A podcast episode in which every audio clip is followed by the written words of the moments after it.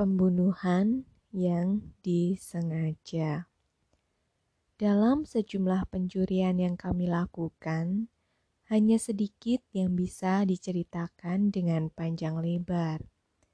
Bukan berarti yang lain tidak berisikan detail yang aku sendiri ragu untuk menceritakannya.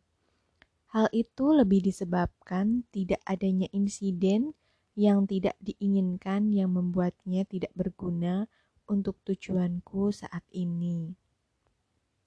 Intinya, rencana kami disusun dengan sangat matang oleh Raffles, sehingga kemungkinan gagal bisa minimalisasi sebelum kami mulai beraksi.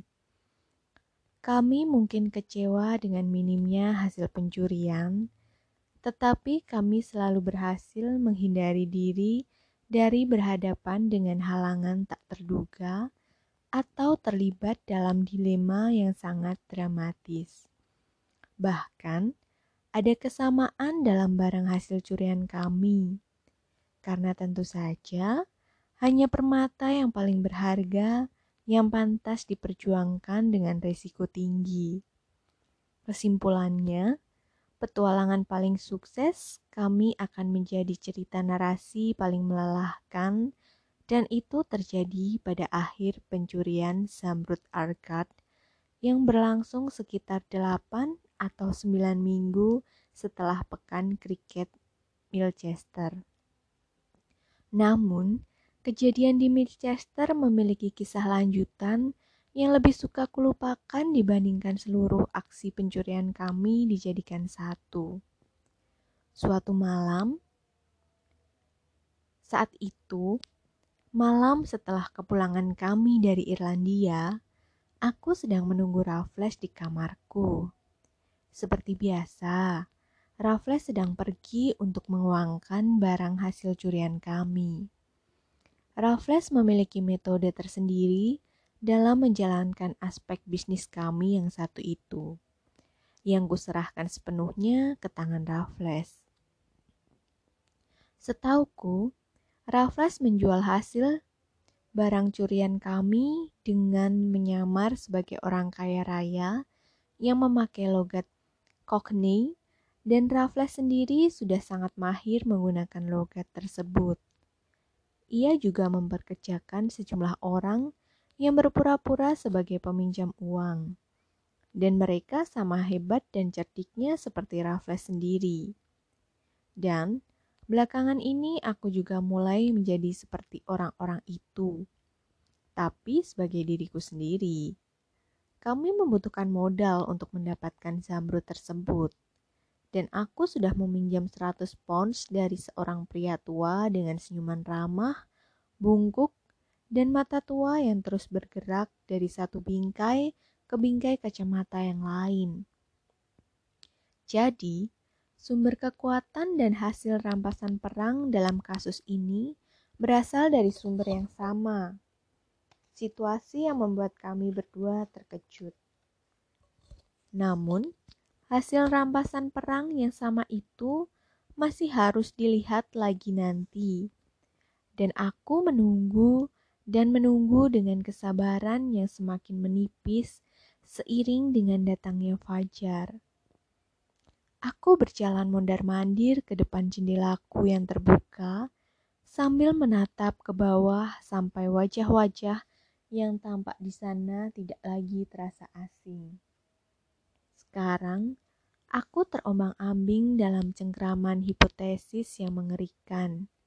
Cengkraman yang semakin menguat saat akhirnya pintu lift terbuka dengan suara berderak yang keras membuatku menahan nafas sampai sosok yang sangat kukenal muncul di depan pintuku. Gelap sekali, ujar Raffles saat aku menyeretnya masuk. Wah, Bani, ada apa? Tidak ada apa-apa, karena sekarang kau ada di sini. Kataku sambil menutup pintu di belakang Raffles dengan perasaan lega sekaligus gelisah. Bagaimana? Bagaimana? Berapa harganya?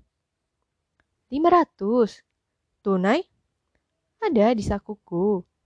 Bagus sekali, teriakku. Kau tidak tahu betapa gelisahnya aku.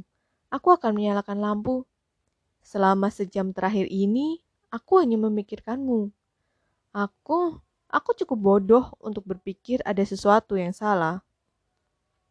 Raffles tersenyum saat cahaya lampu menerangi ruangan. Tetapi sejenak, aku tidak memahami senyuman itu. Aku masih dikuasai oleh kegelisahanku yang sebelumnya dan kelegaanku saat ini. Dan tindakan bodoh yang pertama kulakukan adalah menumpahkan whisky dan air soda ke semua tempat. Jadi, kau pikir terjadi sesuatu? Tanya Raffles bersandar di kursiku sambil menyalakan rokok, terlihat sangat geli. Apa yang akan kau katakan jika memang terjadi sesuatu? Duduklah teman baikku, itu hanya masalah kecil dan sekarang semua sudah berlalu.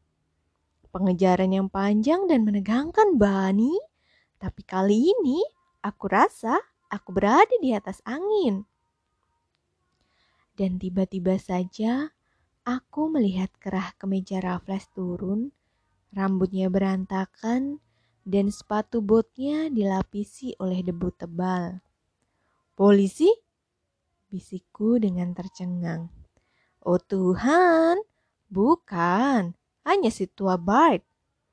Bart? Tapi bukankah Bart yang membeli samrut itu? Memang. Kalau begitu, mengapa dia mengejarmu? Temanku yang baik, aku akan menceritakannya kepadamu jika kau memberiku kesempatan itu sama sekali bukan sesuatu yang harus dikhawatirkan. Akhirnya, si tua Bart menyadari bahwa aku bukanlah pencuri biasa seperti kuharap dipikirkannya tentang diriku. Jadi, dia berusaha keras untuk mengejarku sampai ke tempat persembunyianku. Dan kau sebut itu bukan sesuatu yang harus dikhawatirkan itu memang akan menjadi sesuatu yang harus dikhawatirkan jika dia berhasil. Tapi dia masih harus belajar banyak.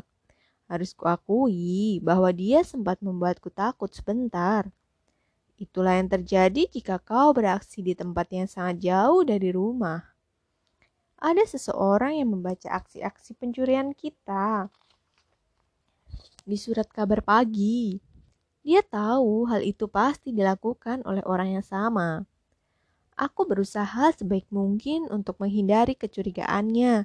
Aku bersumpah, sudah mengelak, tapi aku juga menyadari bahwa tindakanku justru membuatku membongkar sendiri rahasiaku. Dia berhenti tawar-menawar. Dia membayar harga yang kuinginkan, seolah ia melakukannya dengan senang hati. Tapi saat aku berjalan pulang, Aku merasa dia mengikutiku. Tentu saja aku tidak berbalik untuk memastikannya. Mengapa tidak? Bani temanku, itu hal terburuk yang bisa kau lakukan. Selama kau tidak terlihat curiga, mereka akan terus menjaga jarak. Dan selama mereka menjaga jarak, kau masih memiliki kesempatan untuk melarikan diri. Begitu kau menunjukkan tanda-tanda tahu kau sedang diikuti, maka yang bisa kau lakukan hanyalah melarikan diri atau melawan.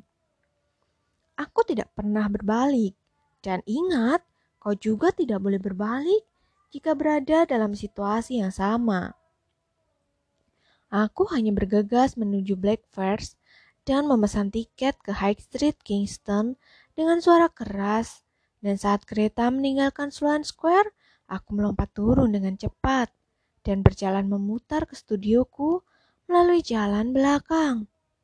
Ya, untuk amannya, aku mengurung diri di sana sepanjang siang, mencoba untuk mendengar apa pun yang mencurigakan. Dan hanya berharap aku punya jendela dan bukannya atap kaca. Tapi tidak ada yang terjadi. Dan sepertinya hanya perasaanku saja yang membuatku berpikir aku diikuti. Tidak ada tanda-tanda yang membuktikan bahwa itu benar. Jadi akhirnya aku keluar dari tempat persembunyianku dan nyaris jatuh ke dalam dekapan si tua Bart. Apa yang kau lakukan? Aku berjalan melewatinya, seolah tidak pernah melihatnya seumur hidupku. Lalu aku menaiki kereta kuda di Kings Road dan meminta kusirnya melajukan kereta kuda secepat mungkin ke Clapham Junction. Aku berlari ke peron terdekat tanpa terlebih dahulu membeli karcis. Melompat ke kereta pertama yang kulihat, keluar di Twickenham, lalu berjalan kaki untuk kembali ke Richmond dan mengambil jalan melewati distrik Charing Cross dan di sinilah aku siap untuk mandi dan berganti pakaian, serta menikmati makan malam terbaik yang bisa disediakan disediakan klub untuk kita. Aku menemuimu terlebih dahulu karena aku pikir kau pasti khawatir. Ikutlah denganku, aku tidak akan lama. Kau yakin telah berhasil menghindarinya? Tanyaku saat kami memakai topi masing-masing. Cukup yakin, tapi kita bisa memastikannya lagi. Jawab Raffles dan beranjak ke jendelaku, tempat ia berdiri selama beberapa saat sambil menatap ke jalanan. Kau baik-baik saja? Tanyaku pada Raffles. Baik-baik saja, jawab Raffles. Dan kami segera turun untuk pergi ke Albany bersama. Namun, sepanjang perjalanan kami berdua membisu. Aku membisu karena sedang bertanya-tanya apa yang akan dilakukan Raffles dengan studionya di Chelsea karena ia sudah diikuti sampai ke sana, yang membuat tempat itu tidak lagi aman. Bagiku itu permasalahan yang mendesak. Tetapi saat aku mengatakannya kepada Raffles, ia bilang ada cukup waktu untuk memikirkan hal itu nanti.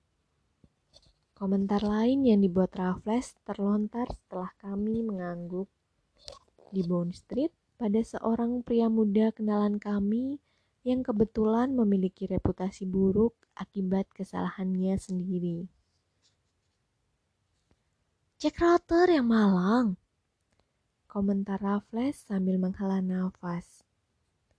Tidak ada yang lebih menyedihkan daripada melihat anak muda mengalami keterpurukan seperti itu. Dia sudah hampir gila karena minuman dan hutang. Malang sekali. Apakah kau melihat matanya? Ngomong-ngomong, aneh sekali kita bertemu dengannya malam ini. Si tua Bart selalu mengatakan ingin menguliti Jack Rutter. Tapi, sungguh, Aku yang ingin menguliti si tua Bart. Dan tiba-tiba saja nada suara Raffles berubah marah yang semakin terasa jelas oleh kebisuan yang lama yang berlangsung sepanjang makan malam di klub dan setelahnya kami duduk di sudut ruang merokok untuk menikmati rokok dan kopi. Akhirnya, aku melihat Raffles menatapku dengan senyuman malas dan aku tahu bahwa kemarahannya sudah berakhir. Aku yakin kau pasti bertanya-tanya apa yang kupikirkan selama ini. Ujar Raffles. Aku bertanya-tanya apa yang akan terjadi jika aku melakukan segala sesuatunya dengan ceroboh. Ya, kataku membalas senyumannya. Tapi kau tidak akan pernah bisa melakukannya, iya kan? Aku tidak terlalu yakin, ujar Raffles sambil mengepulkan asap rokok. Sebenarnya, aku lebih memikirkan Jack Rutter yang malang daripada diriku sendiri. Ada orang yang melakukan segala sesuatu dengan ceroboh, dan dia harus menerima akibatnya. Tapi cobalah lihat perbedaan antara dia dan kita. Jack Rutter berada di bawah belas kasihan rentenir yang kejam, sedangkan kita berhasil membayar semua utang kita. Jack Rutter mencari ketenangan dari minuman beralkohol, sedangkan kita selalu sadar dan bebas dari utang. Teman-temannya mulai meninggalkannya. sedangkan kita kesulitan untuk mencegah teman-teman kita mendatangi kita. Pada akhirnya, dia meminta-minta atau meminjam uang. Ya, sebenarnya bisa dianggap setengah mencuri, sedangkan kita benar-benar mencuri dan menyelesaikan masalah kita. Jelas sekali kita lebih beruntung darinya. Tapi aku tidak yakin, Bani, apakah kita sendiri melakukannya dengan sungguh-sungguh. Mengapa? Apalagi yang bisa kita lakukan? Seruku dengan kesan sedikit mengejek, tetapi sambil melihat ke sekeliling untuk memastikan tidak ada yang mendengar pembicaraan kami. Apalagi? ujar Raffles. Well, misalnya membunuh. Omong kosong.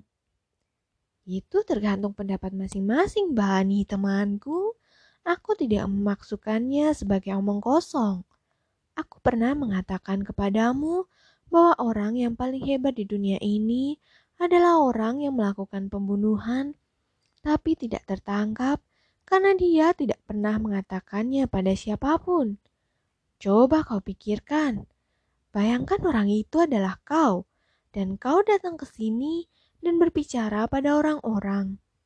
Kemungkinan besar tentang pembunuhan itu sendiri, padahal kau tahu kau sendiri yang melakukannya, dan kau jadi bertanya-tanya, bagaimana jika mereka mengetahuinya? Oh, itu akan menarik sekali, sangat menarik. Tapi selain itu, jika kau tertangkap, akan ada akhir yang dramatis untukmu. Kau mungkin akan dipenjara selama 7 sampai 14 tahun. Astaga Flash! Seruku sambil tergelak. Aku mulai bisa memaafkanmu karena sikap bersikap buruk selama makan malam. Tapi dalam hidupku, aku tidak pernah lebih jujur lagi dari sekarang. Yang benar saja. Aku serius. Kau tahu dengan pasti bahwa kau tidak akan mungkin membunuh orang, betapapun terpaksanya. Aku tahu dengan pasti, aku hampir melakukannya malam ini. Sebelumnya, Raffles bersandar di kursi, mengamatiku dengan mata tajam dari balik kelopak mata yang berat. Sekarang ia berjalan maju, dan matanya menatapku seperti besi dingin yang dikeluarkan dari sarungnya. Mata itu menyadarkanku dari kelambanan otakku. Maksudnya tidak lagi diragukan. Aku yang sangat mengenal pria ini bisa membaca pembunuhan di tangannya yang terkepal dan pembunuhan di bibirnya yang terkunci. Tetapi yang lebih menakutkan adalah ratusan pembunuhan di mata biru yang tajam itu. Bart? Tanyaku dengan takut sambil membasahi bibirku dengan lidah. Tentu saja. Tapi kau bilang tidak ada masalah dengan studiomu di Chelsea. Aku bohong. Kau tetap berhasil meloloskan diri darinya. Itu masalah lain. Aku tidak berhasil. Aku pikir aku berhasil meloloskan diri saat mendatangimu malam ini. Tapi saat aku melihat keluar jendelamu, kau ingat? Untuk memastikannya lagi, dia ada di seberang jalan di bawah apartemenmu. Dan kau tak pernah mengatakannya. Aku tidak mau merusak makan malammu, Bani. Dan aku juga tidak akan membiarkanmu merusak makan malamku. Tapi dia sangat cerdas dan tentu saja, dia mengikuti kita ke Albani.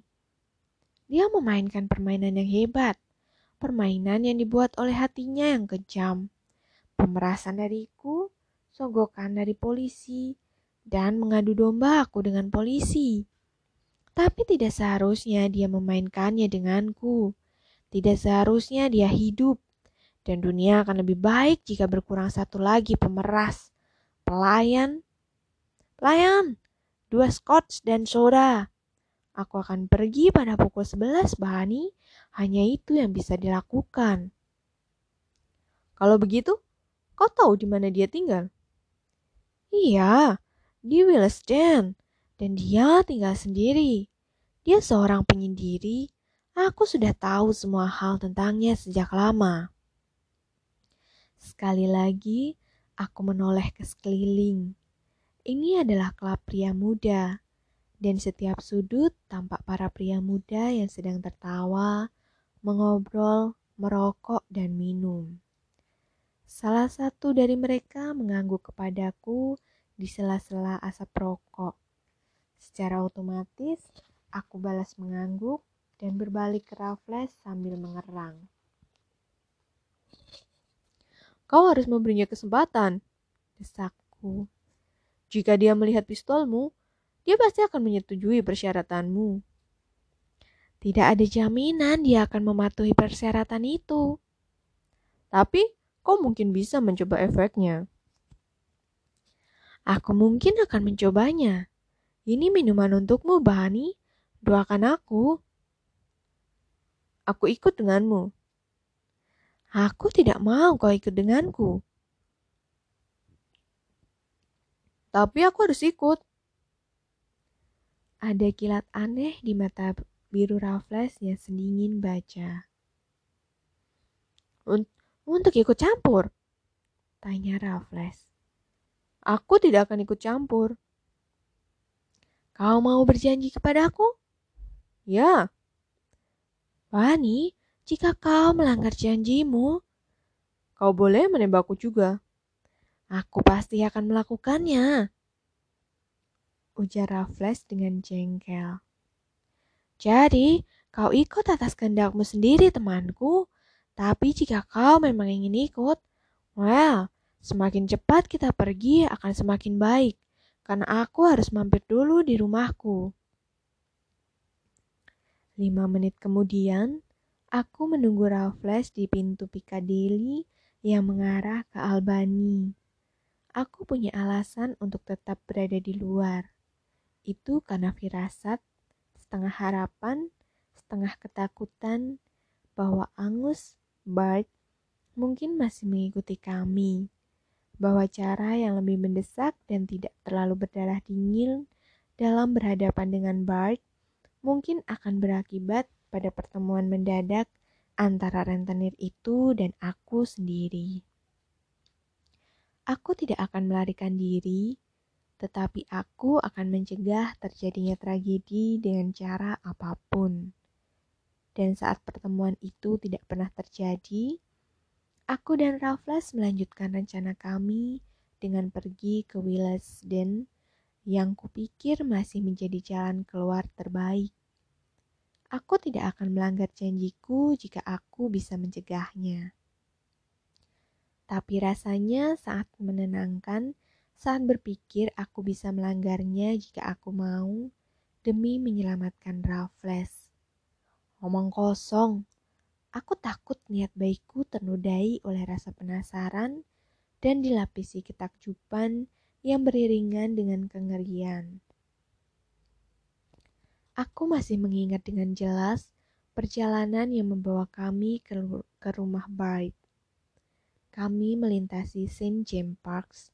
Aku bisa melihat cahaya lampunya yang tampak terang di jembatan dan redup di air dan kami harus menunggu kereta terakhir menuju Willesden.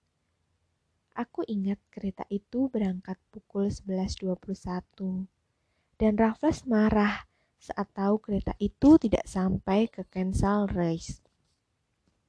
Kami harus turun di Willesden Junction dan harus berjalan kaki ke tempat yang masih terbilang baru untukku. Aku tidak akan pernah bisa menemukan rumah itu lagi jika aku kembali ke sana seorang diri. Namun, aku ingat ada jalan setapak gelap di antara hutan dan ladang saat jam dinding menunjukkan angka 12. Kita akan menemukannya sedang tertidur di kamarnya, kan? Kataku. Aku harap begitu. Jawab Raffles dengan murung. Kalau begitu, Kau bermaksud untuk menerobos masuk ke rumahnya? Menurutmu, apa lagi yang bisa kulakukan? Aku sama sekali tidak memikirkannya karena kejahatan pamungkas lain telah memonopoli pikiranku. Lagi pula, aksi kami kali ini cukup sepele, tetapi tetap saja harus dilakukan. Aku bisa memahami situasinya. Bart tidak asing dengan pencuri dan cara mereka beraksi. Bart pasti memiliki senjata api dan mungkin ia menjadi salah satu orang pertama yang menggunakannya. Aku tidak akan mengharapkan yang lebih baik, ujar Raffles.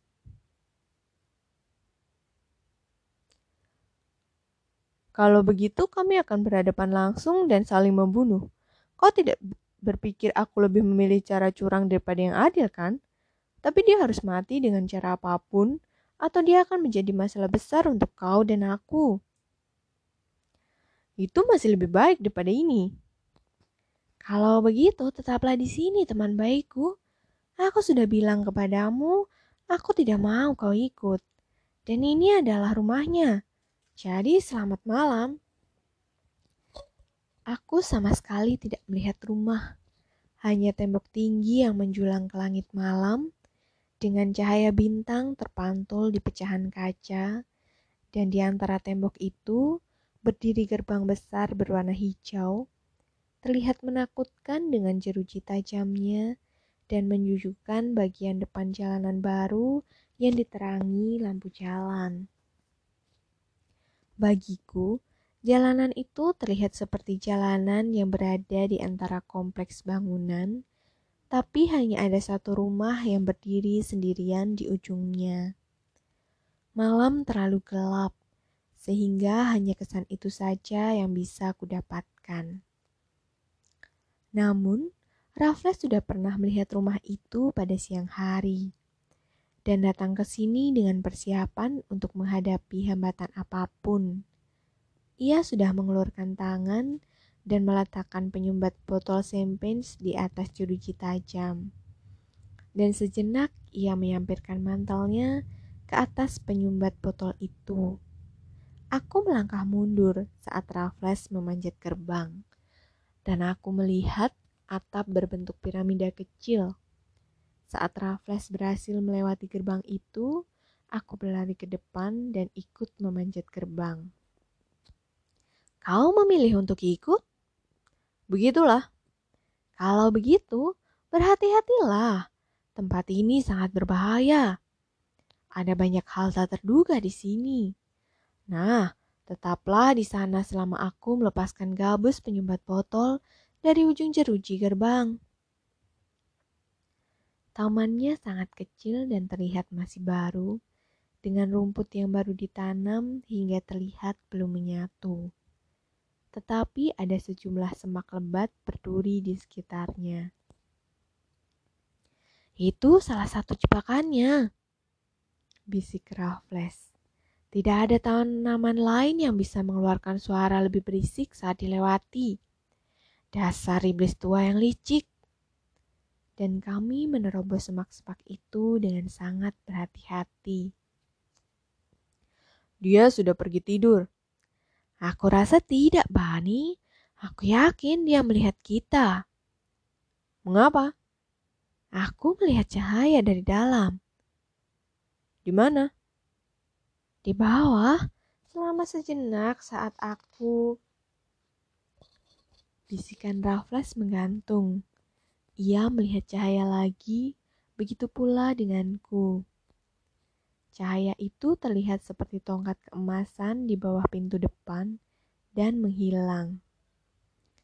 Cahaya itu muncul lagi seperti benang keemasan di ambang pintu dan menghilang lagi untuk selamanya. Kami mendengar suara berdirik di tangga dan berhenti, juga untuk selamanya. Kami tidak lagi melihat cahaya atau mendengar suara Meskipun kami berdiri menunggu di sana, di atas rumput sampai kaki kami basah oleh embun. Aku akan masuk, ujar Raffles akhirnya. Aku tidak lagi yakin dia melihat kita. Aku berharap dia melihat kita lewat sini. Dengan hati-hati, kami menyusuri jalan setapak, tapi batu kerikil menempel di hak sepatu kami dan mengeluarkan suara gesekan keras di lantai beranda yang dilengkapi dengan pintu kaca. Melalui pintu kaca itulah Raffles pertama kali melihat cahaya. Dan sekarang ia hendak membuka pintu kaca itu dengan berlian, sebotol sirup, dan kertas coklat yang jarang dikeluarkan dari perlengkapan khususnya. Raffles juga tidak pernah membutuhkan bantuanku, meskipun ia mungkin akan menerima bantuanku jika aku menawarkannya. Namun, Tangankulah yang membantu menuangkan sirup ke atas kertas coklat dan menekankan kertas coklat yang sudah basah itu ke kaca sampai berlian Raffles selesai membuat lingkaran di sekeliling kertas dan kacanya jatuh dengan lembut ke tangan kami. Sekarang, Raffles memasukkan tangannya ke dalam, membuka kunci, dan dengan menjulurkan lengannya, berhasil membuka palang pintunya.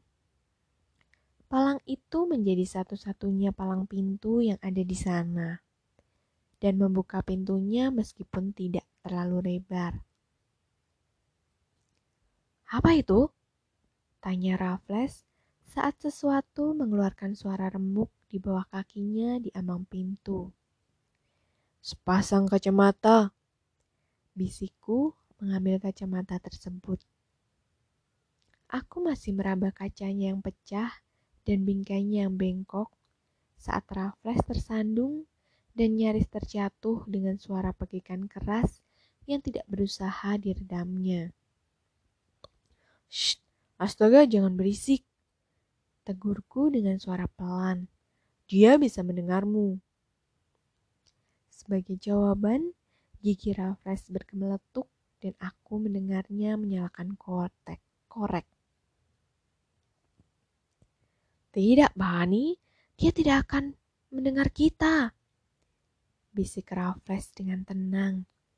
Lalu ia bangun dari posisi berlutut dan menyalakan lampu saat api koreknya mati. Angus Bart tergeletak di lantai rumahnya sendiri dalam keadaan mati. Rambut ubannya menempel dengan darah. Di dekatnya ada tongkat besi yang ujungnya berkilau oleh darah. Di sudut ruangan ada meja yang diacak-acak. Jam berdentang dengan keras di atas perapian, karena mungkin selama seratus detik tidak ada suara lain yang terdengar. Raffles berdiri sangat diam, menatap Bart yang sudah tidak bernyawa, seperti seseorang yang menatap dasar jurang setelah tanpa sadar berjalan ke tepinya.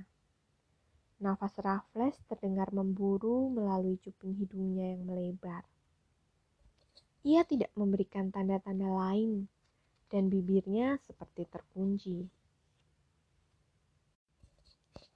Cahaya itu, ujarku dengan suara serak. Cahaya yang kita lihat dari bawah pintu. Raffles berbalik ke arahku dengan terkejut. Itu benar, aku melupakannya. Pertama kali aku melihatnya dari sini. Pembunuhnya pasti masih ada di atas.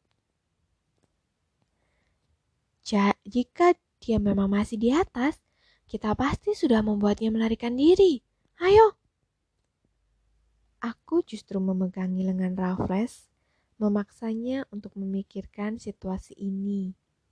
Bahwa musuhnya sudah mati sekarang bahwa kami pasti akan terlibat, bahwa sekaranglah waktunya bagi kami untuk melarikan diri, atau tidak akan ada kesempatan lagi. Raffles menepiskan tanganku dengan marah dan tidak sabar. Ada kilatan kebencian di matanya. Dan dia mengatakan aku bisa menyelamatkan diriku sendiri jika aku mau. Sekali lagi, Raffles berbalik dariku dan kali ini ia meninggalkan aku untuk membuat keputusan apakah aku akan mengikuti perkataannya atau tidak. Apakah Raffles sudah lupa apa tujuan yang membawanya ke sini? Apakah ia bertekad menjadikan malam ini sebagai bencana mengerikan? Saat aku mengajukan pertanyaan-pertanyaan itu kepada diriku sendiri, cahaya muncul di lorong. Sejenak kemudian, terdengar suara langkah kaki di tangga, seperti yang kami dengar sebelumnya saat si pembunuh melarikan diri ke atas. Dan insting manusia yang menginspirasi Raffles untuk mengambil resiko juga bertanggung jawab atas selamatnya kepe kepekaanku. Bisakah kami membiarkan seorang pembunuh pergi begitu saja? Jawabanku adalah bergegas menaiki tangga dan mengejar Raffles yang sudah sampai di landasan tangga pertama. Namun, di sana ada tiga pintu yang pertama adalah pintu kamar tidur dengan tempat tidur yang masih rapi. Yang kedua adalah pintu ruangan kosong. Sedangkan pintu yang ketiga dalam keadaan terkunci. Raffles menyalakan lampu di landasan tangga. Pembunuh itu masih ada di sini, ujar Raffles sambil mengeluarkan pistolnya. Apakah kau masih ingat bagaimana kita membobol ruang perpustakaan di sekolah? Ini dia. Kaki Raffles menendang daun pintu tepat di atas lubang kunci, membuat pintu itu terbuka dan menguncangkan lampu yang menggantung di landasan kaca tangga. Saat lampu sudah berhenti bergoyang dan cahayanya terpancar dengan jelas lagi, aku melihat dua handuk yang diikat menjadi satu. Sebuah jendela yang terbuka, sosok yang sedang berjongkok di lantai kamar mandi, dan Raffles tersentak kaget di emang pintu. Jack Rotter! Kata-kata itu terlontar dengan nada ngeri, dan dalam kengerian aku mendengar diriku sendiri mengulanginya. Sementara sosok yang sedang berjongkok itu akhirnya berdiri dengan perlahan.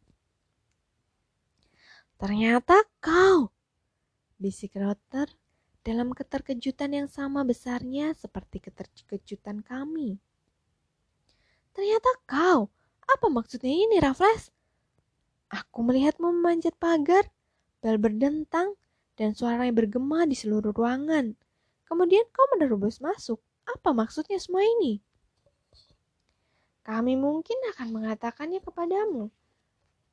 Jika kau mengatakan kepada kami apa yang telah kau lakukan, Relator? Lakukan apa yang telah kulakukan? Rater menggeser ke tempat terang dengan mata merah yang berkedip dan bagian depan, keme depan kemeja yang bersimbah darah. Kau tahu, kau sudah melihatnya sendiri. Tapi aku akan mengatakan kepadamu jika kau mau. Aku telah membunuh seorang perampok. Itulah yang terjadi. Aku telah membunuh seorang perampok, lintah darat, serigala, pemeras, penjahat paling cerdas dan paling keji yang tidak pernah tersentuh hukum. Aku siap dihukum gantung karena membunuhnya. Aku bersedia membunuhnya lagi jika bisa. Dan Rater menatap kami dengan tajam.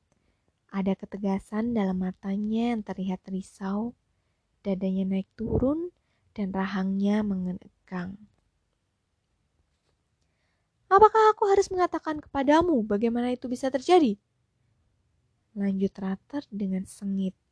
Selama berminggu-minggu dan berbulan-bulan terakhir ini, dia membuat hidupku seperti berada di neraka. Kau mungkin tahu itu. Neraka yang sempurna. Well, malam ini aku bertemu dengannya di Bond Street.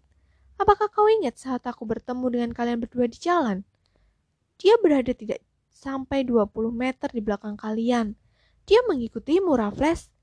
Dia melihatku mengangguk kepadamu, dan dia menghentikan aku untuk bertanya siapa kau. Dia terlihat sangat penasaran terhadapmu. Aku tidak tahu mengapa, dan aku juga tidak peduli, karena pada saat itu aku melihat kesempatan. Aku bilang kepadanya akan menceritakan semua hal tentang dirimu jika dia mau berbicara denganku secara pribadi. Tapi dia tidak mau. Aku bilang dia harus mau. Dan aku mencengkram kerah mantelnya. Dan pada saat aku melepaskannya, kau sudah berada di luar jangkauan mata dan aku menunggu di sana sampai dia kembali dengan putus asa. Akhirnya, dia mau memenuhi permintaanku. Aku bisa mendekte di mana pembicaraan kami akan berlangsung. Dan aku berhasil memaksanya membawaku pulang ke rumahnya. Masih dengan janji aku akan menceritakan semua hal tentang dirimu. Saat kami sampai di rumah ini, aku memaksanya untuk memberiku makanan. Sengaja menunda-nunda pembicaraan kami dan sekitar pukul 10 malam, aku mendengar suara gerbang ditutup. Aku menunggu sebentar, lalu aku bertanya kepadanya apakah dia tinggal sendirian. Sama sekali tidak, katanya. Memangnya kau tidak melihat pelayan? Aku bilang aku melihat pelayan itu, tapi aku pikir aku baru saja mendengarnya pergi. Jika ternyata aku salah, tidak diragukan lagi dia pasti akan datang jika dipanggil.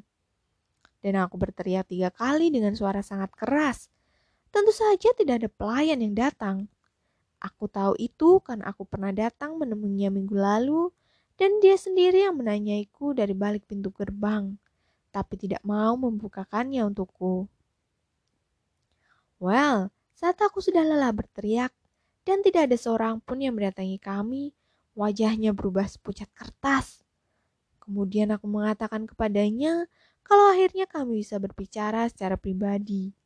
Dan aku mengambil tokat besi dari tempatnya di depan perapian. Setelahnya aku mengatakan kepadanya bagaimana dia telah merampokku. Tapi demi Tuhan, dia tidak akan bisa merampokku lagi. Aku memberinya waktu tiga menit untuk menulis dan menandatangani surat pernyataan untuk menghapus semua klaim kejinya terhadapku, atau aku akan membuat otaknya berjajaran di karpetnya sendiri. Dia berpikir sejenak, lalu pergi ke mejanya untuk mengambil pena dan kertas. Tiba-tiba saja dia berbalik dengan membawa pistol dan aku menyergapnya. Dia menembak dua atau tiga kali dan meleset. Kau bisa menemukan lubang pelurunya jika kau mau. Tapi aku memukulinya bertubi-tubi. Ya Tuhan, aku seperti orang gila sampai semuanya berakhir. Dan pada saat itu aku tidak peduli. Aku bergegas pergi ke mejanya untuk mencari surat-surat utangku dan aku baru saja akan pergi saat kau muncul. Aku bilang aku tidak peduli, dan itu benar. Aku hendak menyerahkan diri kepada polisi malam ini, dan akan tetap melakukannya. Jadi kalian berdua tidak perlu repot-repot menangkapku. Rater selesai bercerita, dan di sanalah kami berdiri di dalam rumah yang sepi. Suara Rater yang pelan dan antusias masih terngiang di telinga kami. Di bawah ada sosok-sosok mayat yang tergeletak, dan di depan kami berdiri orang yang telah menghabisinya. Aku tahu siapa yang akan tergugah oleh cerita itu, dan ternyata dugaanku tidak keliru. Omong kosong, ujar Raffles, berbicara setelah terdiam selama beberapa saat. Kami tidak akan membiarkanmu menyerahkan diri. Kau tidak akan bisa menghentikan aku. Apa gunanya? Pelayan wanita itu melihatku. Hanya tinggal masalah waktu sebelum perbuatanku diketahui polisi. Dan aku tidak bisa menunggu polisi datang menangkapku. Coba pikirkan, menunggu mereka datang untuk menyentuh baumu. Tidak, tidak, tidak. Aku akan menyerahkan diri dan menyelesaikan semua ini. Cara bicara Rotter berubah. Ia terdengar gelisah dan takut. Seolah persepsi yang lebih jelas mengenai posisinya saat ini muncul bersamaan dengan ide melepaskan diri dari semua tuduhannya. Tapi dengarkan aku, desak Raffles. Kami berada di sini atas kehendak kami sendiri. Kami menerobos masuk seperti pencuri untuk menuntut balas seperti yang kau lakukan. Tapi tidakkah kau mengerti? Kami masuk dengan membobol kunci, melakukan apa yang biasa dilakukan oleh pencuri. Biarkan semua orang dan polisi berpikir pencurilah yang telah membunuhnya. Maksudmu, aku tidak akan dicurigai? Benar. Tapi aku tidak mau lolos tanpa hukuman. Teriak Rater dengan histeris. Aku sudah membunuhnya. Aku tahu itu. Tapi aku melakukannya untuk membela diri. Itu bukan murni pembunuhan. Aku harus berani mengakui perbuatanku dan menanggung konsekuensinya. Aku akan gila jika tidak melakukannya. Tangan Rater bergetar dan bibirnya berkedut. Air mata membasahi matanya. Raffles menyegeram kuat bahunya. Dengar aku bodoh, jika kita bertiga tertangkap di sini sekarang, apakah kau tahu apa konsekuensinya? Dalam waktu enam minggu, kepala kita sudah digantung di Newgate. Kau berbicara seolah kita sedang duduk di klub. Tidakkah kau tahu sekarang sudah pukul satu dini hari? Lampu di rumah ini masih menyala. Dan ada mayat yang tergeletak di bawah. Demi Tuhan, tenangkan dirimu dan lakukan apa yang kulatakan kepadamu, dan kau sendiri akan ikut mati. Aku berharap aku mati. Isak Rater. Aku berharap memegang pistol untuk meledakkan kepalaku, tapi pistol itu tergeletak di bawah mayat Bart. Oh Tuhanku, oh Tuhanku. Lutut Rater gemetar Kepanikan pria itu sudah mencapai puncaknya. Kami harus memapahnya ke bawah dan keluar rumah melewati pintu depan. Di luar, suasana sangat sunyi. Yang terdengar hanyalah suara isakan rater yang sedang kami papah. Raffles sempat kembali sebentar ke dalam rumah, lalu suasana di dalam rumah pun kembali gelap. Pintu gerbang terbuka dari dalam. Kami menutupnya dengan hati-hati di belakang kami. Jadi hanya ada sinar bintang yang menerangi kaca yang pecah dan jeruji yang tajam. Kami berhasil melarikan diri dengan mulus. Rater sempat membuat kami kerepotan. Dikuasai oleh perasaan bersalah, ia jauh lebih merepotkan daripada enam orang yang mabuk anggur. Berulang kali kami mengancam akan meninggalkannya untuk mengurus dirinya sendiri dan cuci tangan dari kejadian malam ini. Namun, keberuntungan yang tak terduga berpihak kepada kami bertiga. Kami tidak bertemu seorang pun dalam perjalanan dari rumah Bart ke, Wis ke Willesden, dan mereka yang bertemu dengan kami kemudian tidak ada satupun yang curiga bahwa dua orang pria muda dengan dasi miring memapah pria muda ketiga yang terlihat mabuk ada hubungannya dengan pemberitaan di surat kabar malam yang mengejutkan seluruh penduduk kota tentang tragedi menyedihkan yang terjadi di Kensal Rise. Kami berjalan kaki ke Maida Valley dan dari sana kami menaiki kereta kuda ke apartemenku. Namun, hanya aku sendiri yang pergi ke atas, sementara Raffles dan Rater melanjutkan perjalanan ke Albany. Aku tidak bertemu lagi dengan Raffles selama 48 jam berikutnya. Raffles tidak berada di kamarnya saat aku datang pagi itu, dan ia tidak meninggalkan pesan.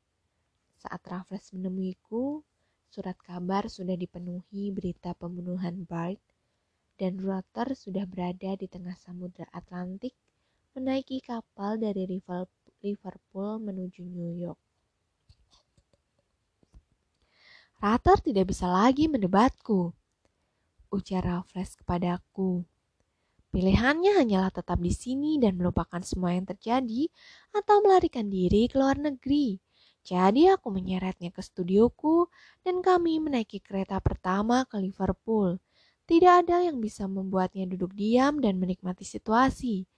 Seperti yang pasti akan kulakukan jika aku berada dalam posisinya. Aku pergi ke rumahnya untuk menghancurkan surat-surat utang yang mengaitkannya dengan Bart. Dan kau tahu apa yang kutemukan? Polisi sudah menyita semua surat-surat utangnya dan sudah ada surat penangkapan untuknya. Ternyata polisi tidak percaya bahwa pencuri telah membunuh Bart. Meskipun mereka melihat kaca jendela dipecahkan dan kuncinya dibobol. Jika Rater sampai tertangkap, semua itu bukanlah salahku. Setelah bertahun-tahun berlalu, aku berpikir semua itu juga bukan salahku.